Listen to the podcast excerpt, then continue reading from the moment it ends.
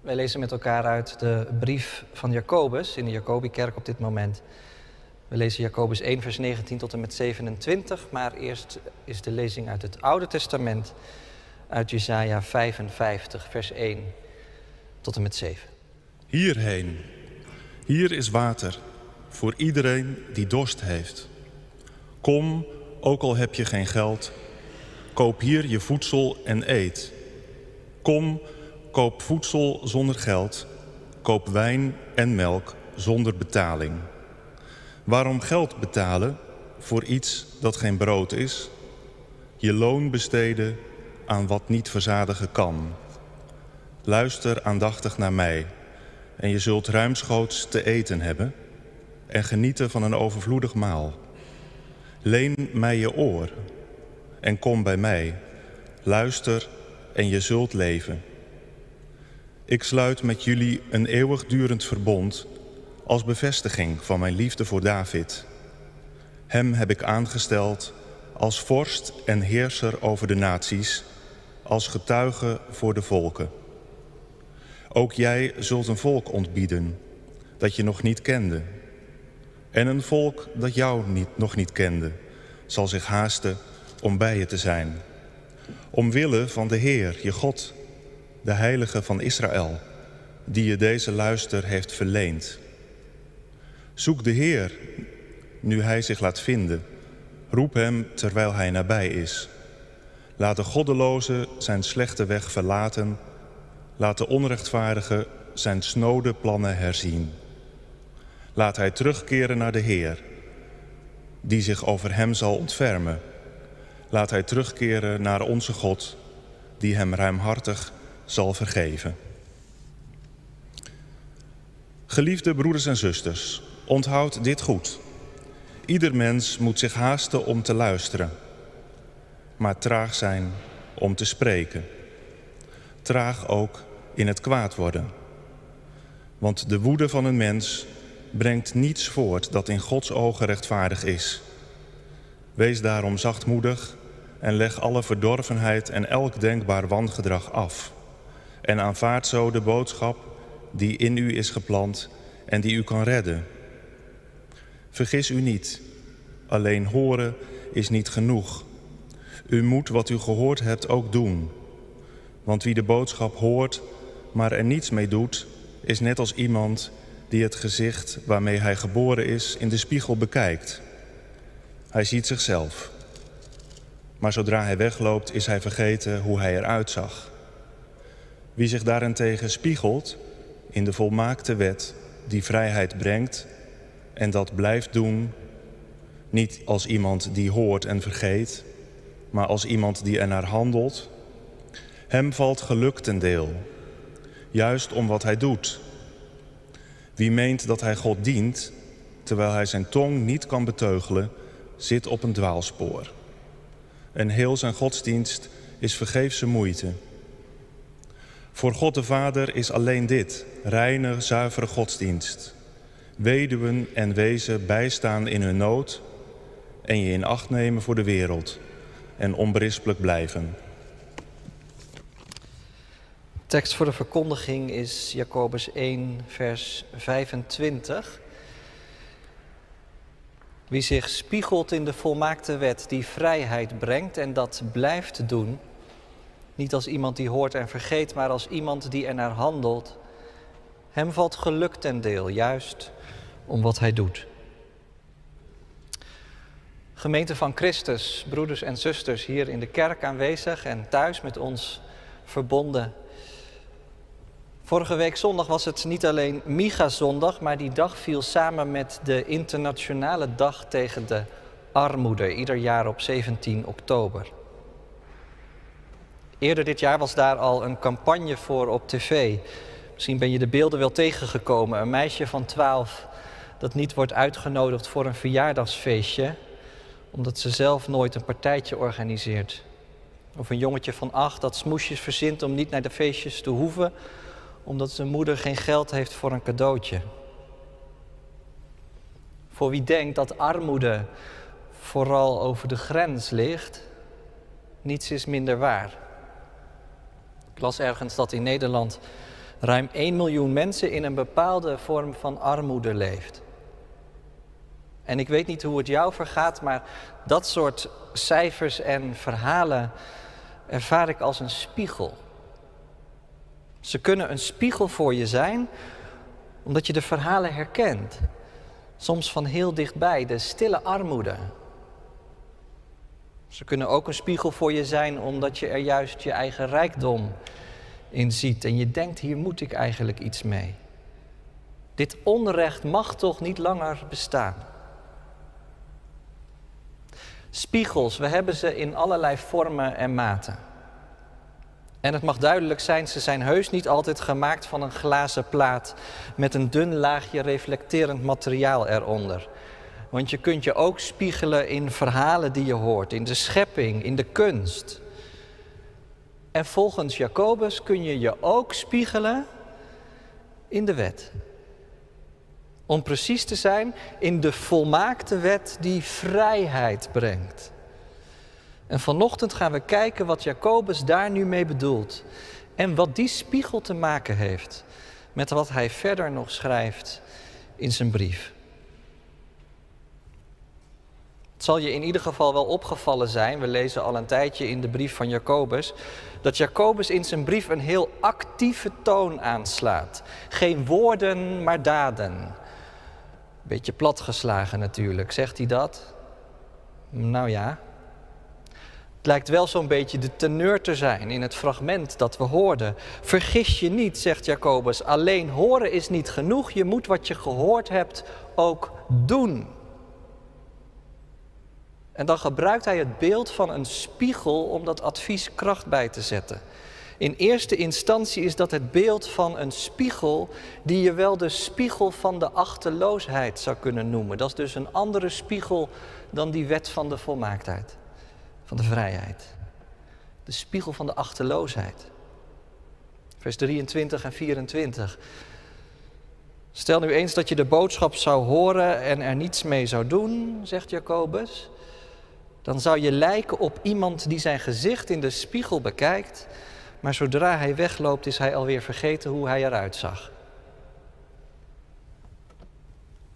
De boodschap horen. Welke boodschap heeft Jacobus het dan over? Nou, dat wordt wel duidelijk als je het geheel van de brief leest. Het gaat over de boodschap van het evangelie. Zoals die ook toen steeds weer in de gemeente geklonken zal hebben. Het evangelie van Jezus Christus. Het evangelie dat je blijkbaar kunt horen, maar vervolgens ook heel achterloos naast je neer kunt leggen. Door er vervolgens niets mee te doen. Om goed te begrijpen wat Jacobus precies wil zeggen, moeten we ons even verplaatsen in de tijd waarin deze brief werd geschreven. En het mag duidelijk zijn, de spiegels zoals wij die vandaag de dag kennen, die had je toen nog niet zoveel. Natuurlijk, je kon jezelf spiegelen in het water of in een glimmend oppervlak. Maar de meeste mensen wisten helemaal niet goed hoe ze er eigenlijk uitzagen. En als ze al een keer een kans kregen om hun spiegelbeeld te bestuderen, dan was dat vaak van korte duur. In een glimp zag je iets van jezelf. Zo snel dat je het ook zo weer was vergeten. Kortom, wat Jacobus wil zeggen, als je de boodschap hoort en er verder niets mee doet, dan is het alsof je in een glimp iets meekrijgt van wie God is en wie je zelf bent. Maar dan is het eigenlijk ook alsof je maar heel achterloos in de spiegel hebt gekeken. Dan is je geloof maar heel vluchtig. Het is er misschien wel heel even, een soort ontzag voor God. Maar het is ook zo weer weg. De spiegel van de achterloosheid. Jacobus waarschuwt voor een vorm van nominaal christendom. Voor christenen die, die maar gewoon wat mee lijken te glijden met alles wat ze in de kerk horen. Ze zijn het er grotendeels wel mee eens. En ze kunnen dat evangelie misschien zelfs wel samenvatten, zo vaak hebben ze het al gehoord. Maar toch lijkt die boodschap amper verschil te maken in hun leven. Je had ze blijkbaar in de tijd van Jacobus en je zult ze vandaag de dag ook nog wel hebben. Misschien herken je het wel als je eerlijk bent. Dat er een zekere matheid is in je geloof. Het wil maar niet actief worden. Nou, dat is dus een probleem van alle tijden. Zelfs in de tijd van Jacobus, toch echt een bloeitijd van het christelijk geloof.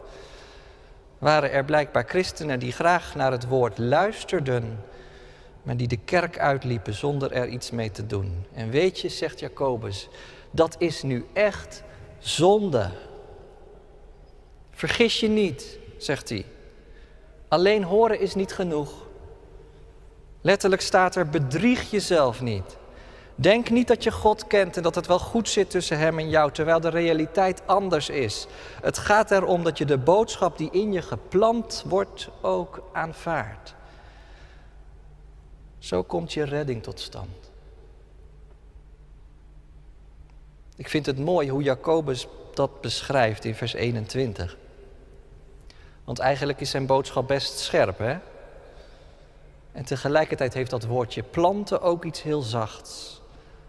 Aanvaard de boodschap die in jullie is geplant en die jullie kan redden. Horen, jazeker. Maar laat dat woord vervolgens ook landen in je hart. Laat het zaadje maar gewoon wortel schieten. Geef het water door je handen te vouwen, zodat de boodschap vrucht kan dragen in de vorm van werkelijk goede werken. Nou, zo houdt Jacobus zijn lezers dus een spiegel voor. En dat is maar goed ook. Want er is in de gemeente waar Jacobus aan schrijft nogal wat aan de hand. Kom je bijvoorbeeld achter als je even een stukje naar voren gaat, hoofdstuk 4, begin daarvan. Waar komt toch al die strijd bij jullie vandaan? vraagt Jacobus. Jullie zijn jaloers en jullie bekvechten met elkaar en jullie vergeten ondertussen om te bidden. Dat is nogal wat. En ook in het fragment dat wij zojuist lazen klinkt er al iets van door. Geliefde broeders en zusters, wees nou eens snel in het luisteren en traag in het spreken. Wees nou eens niet zo rap van tong. Wees nou eens niet zo licht ontvlambaar. Volgens mij heel actueel. Maar dat kan toch de vrucht van de geest niet zijn? vraagt Jacobus. Toen ik deze week wat zat na te denken over die spiegels, bedacht ik me hoeveel spiegels we wel niet om ons heen hebben. Iemand vertelde dat we gemiddeld maar liefst 52 uur per jaar voor een spiegel staan. Maar wat dacht je van al die immateriële spiegels om ons heen? Bijvoorbeeld de spiegel van ons eigen ik. De camera van onze smartphone, waarmee we af en toe een selfie maken. Het lijkt heel paradoxaal, maar je kunt jezelf spiegelen aan jezelf. En dan steeds proberen een betere versie van jezelf te worden. Eigenlijk wisten de oude Grieken al dat dit geen goed idee was. Kijk maar naar het verhaal van Narcissus, een figuur uit de Griekse mythologie, die op een gegeven moment bij het water aan het uitrusten was. Toen hij zich voorover boog, zag hij zijn weerspiegeling in het wateroppervlak en hij werd verliefd op zichzelf. Uiteindelijk was Narcissus niet meer bij het water weg te slaan. En in zijn liefde voor zichzelf kwijnde hij helemaal weg. En stierf hij in de ban van zijn eigen spiegelbeeld. Hoe tragisch. En behalve de spiegel van het eigen ik, moest ik ook denken aan de spiegel die anderen je voor kunnen houden, gevraagd of ongevraagd. Soms is dat best heel goed. Soms kan die spiegel die een ander je voorhoudt best heel heilzaam zijn. Als iemand je moed inpraat bijvoorbeeld, kom op, je kunt het. Of als iemand eens goed tegen je zegt waar het op staat. Je vragen stelt zoals Jacobus dat doet. Waar komt die woede toch vandaan? Ook al moeten we tussen twee haakjes niet vergeten dat er ook andere spiegels zijn die we anderen voor kunnen houden. Lachspiegels die het beeld vervormen Hoeveel mensen zijn er niet die in hun leven maar al te vaak een negatieve spiegel hebben voorgekregen?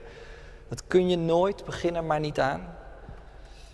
Wees traag om te spreken, zegt Jacobus. En daarom raadt hij zijn lezers nog een andere spiegel aan. Eentje die totaal uniek is. Spiegel je niet in jezelf en spiegel je ook niet te veel in anderen maar spiegel je in de volmaakte wet die vrijheid brengt. Dat ongenoegen van zojuist, dat ongeduld, dat snelle kwaad worden, dat gevangen zitten in je eigen spiegelbeeld misschien, je wordt ervan bevrijd als je in de juiste spiegel kijkt. In de spiegel van de volmaakte wet. Nu weet ik niet hoe dat advies op je overkomt. Ik kan me namelijk voorstellen dat die term de volmaakte wet juist de nodige vragen bij je oproept. Wat moet ik me daar nou precies bij voorstellen? Is dat niet heel droog en onpersoonlijk? Is dat niet heel erg wettisch? Jezelf spiegelen in een wet, dat blijven doen en daarnaar handelen. Bevestigt dat nu niet precies het vooroordeel dat zoveel mensen bij de kerk en bij het geloof hebben? Dat je jezelf moet houden aan een set geschreven en ongeschreven regels? Is Jacobus vergeten dat het in de kerk toch om genade draait? Nou, dat zal Jacobus heus niet vergeten zijn. En tegelijkertijd legt hij toch de vinger bij de wet. Maar dan wel bij een heel specifieke wet. Bij de volmaakte wet die vrijheid brengt. Dat klinkt in eerste instantie als een contradictio in terminis. Hoe kan een wet nu vrijheid brengen? Nou, dat kan een wet alleen maar doen als ze de kader schept waarbinnen een leven in vrijheid te leven is. Regels die er niet voor bedoeld zijn om jou eronder te houden, maar om je in beweging te krijgen. Lichtvoetig je weg verder te gaan. Jacobus moet in de eerste plaats, denk ik, aan de wet van Mozes denken. Hij schrijft deze brief namelijk vanuit Jeruzalem. Hij was een Jood in hart en nieren. En Israël geloofde dat de wet de leefregels van God bevatte, die helemaal pasten bij het verbond van God en bij het goede leven. Maar het zijn wel regels die met de komst van Christus tot hun werkelijke vervulling zouden komen. En die door Hem als volgt zouden worden samengevat. Jullie God liefhebben boven alles en je naaste als jezelf. Denk dat die wet het bouwplan van het nieuwe leven is. Dat is hoe God ons heeft bedoeld. En tegelijkertijd brengt die wet je ook bij de genade, die zojuist al even ter sprake kwam. Want wie zich spiegelt in deze wet, komt er al snel achter dat die veel te vaak tekort schiet. Eigenlijk is er maar één mens geweest die leefde volgens die heilige regels, in overeenstemming met die wet. Dat is toch Jezus zelf, die God lief had met hart en ziel en die er al zijn krachten aan gaf om te leven volgens Gods wil. Ik dacht, zou het kunnen dat Jacobus met die volmaakte wet die vrijheid brengt, gewoon hem bedoelt? Je zou het misschien wel zo kunnen zeggen.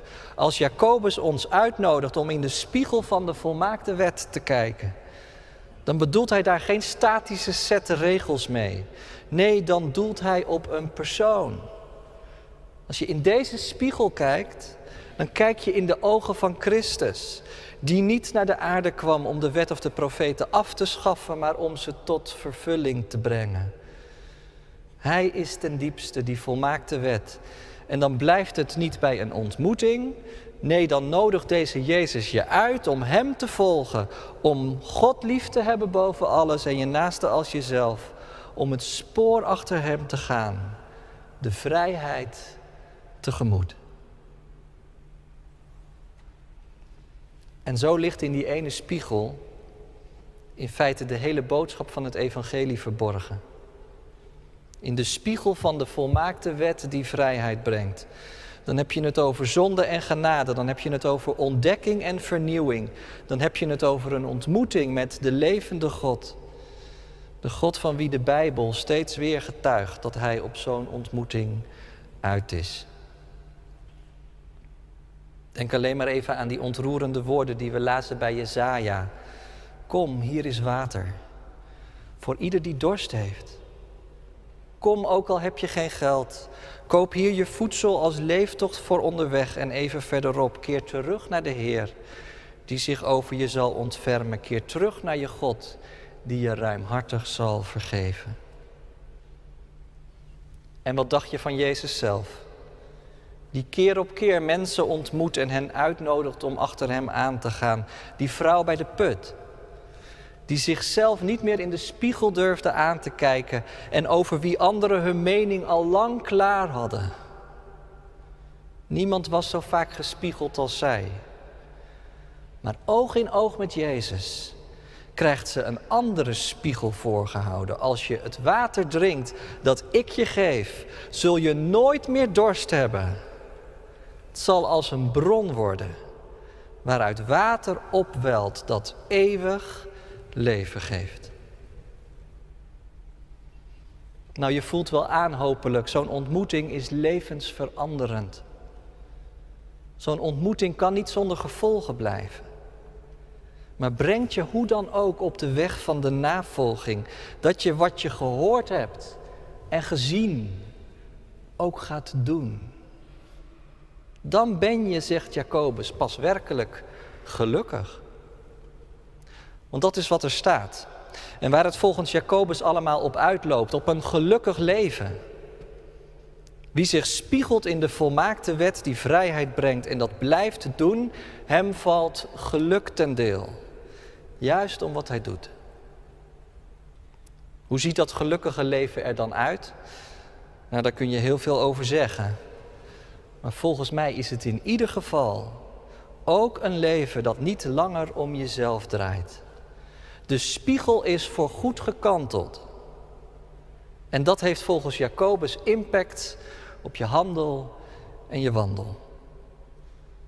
Hij geeft er zomaar een paar voorbeelden van in dit hoofdstuk. En ook wel in de rest van zijn brief.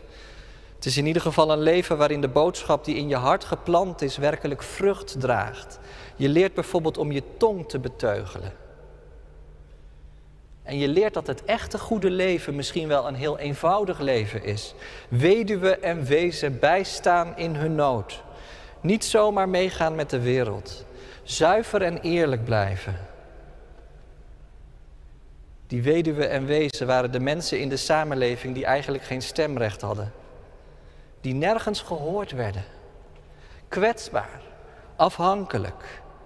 Het echte goede leven is dat je anderen een stem gaat geven, hen. Wees traag om zelf te spreken en luister eens naar een ander. En dan zijn we eigenlijk weer terug bij het begin, bij die internationale dag van de armoede. Dat kan een spiegel voor je zijn. Ga er niet te achterloos mee om. En dat geldt zeker ook voor die andere spiegel. De boodschap van het evangelie, zoals ook die vandaag weer klinkt. Dat is een spiegel die een venster opent op Christus, het middelpunt van de geschiedenis. Zijn dood en opstanding luiden de komst van Gods nieuwe koninkrijk in. Jacobus nodigt ons uit om Hem te zien, om de Heer te zoeken, nu Hij zo dichtbij is gekomen. Met een gebed op de lippen. Wil mij de genade geven, U te dienen hier en nu. God die liefde zijt, aan U vast te houden, heel mijn leven, tot ik U na deze tijd lief heb in der eeuwigheid. Amen.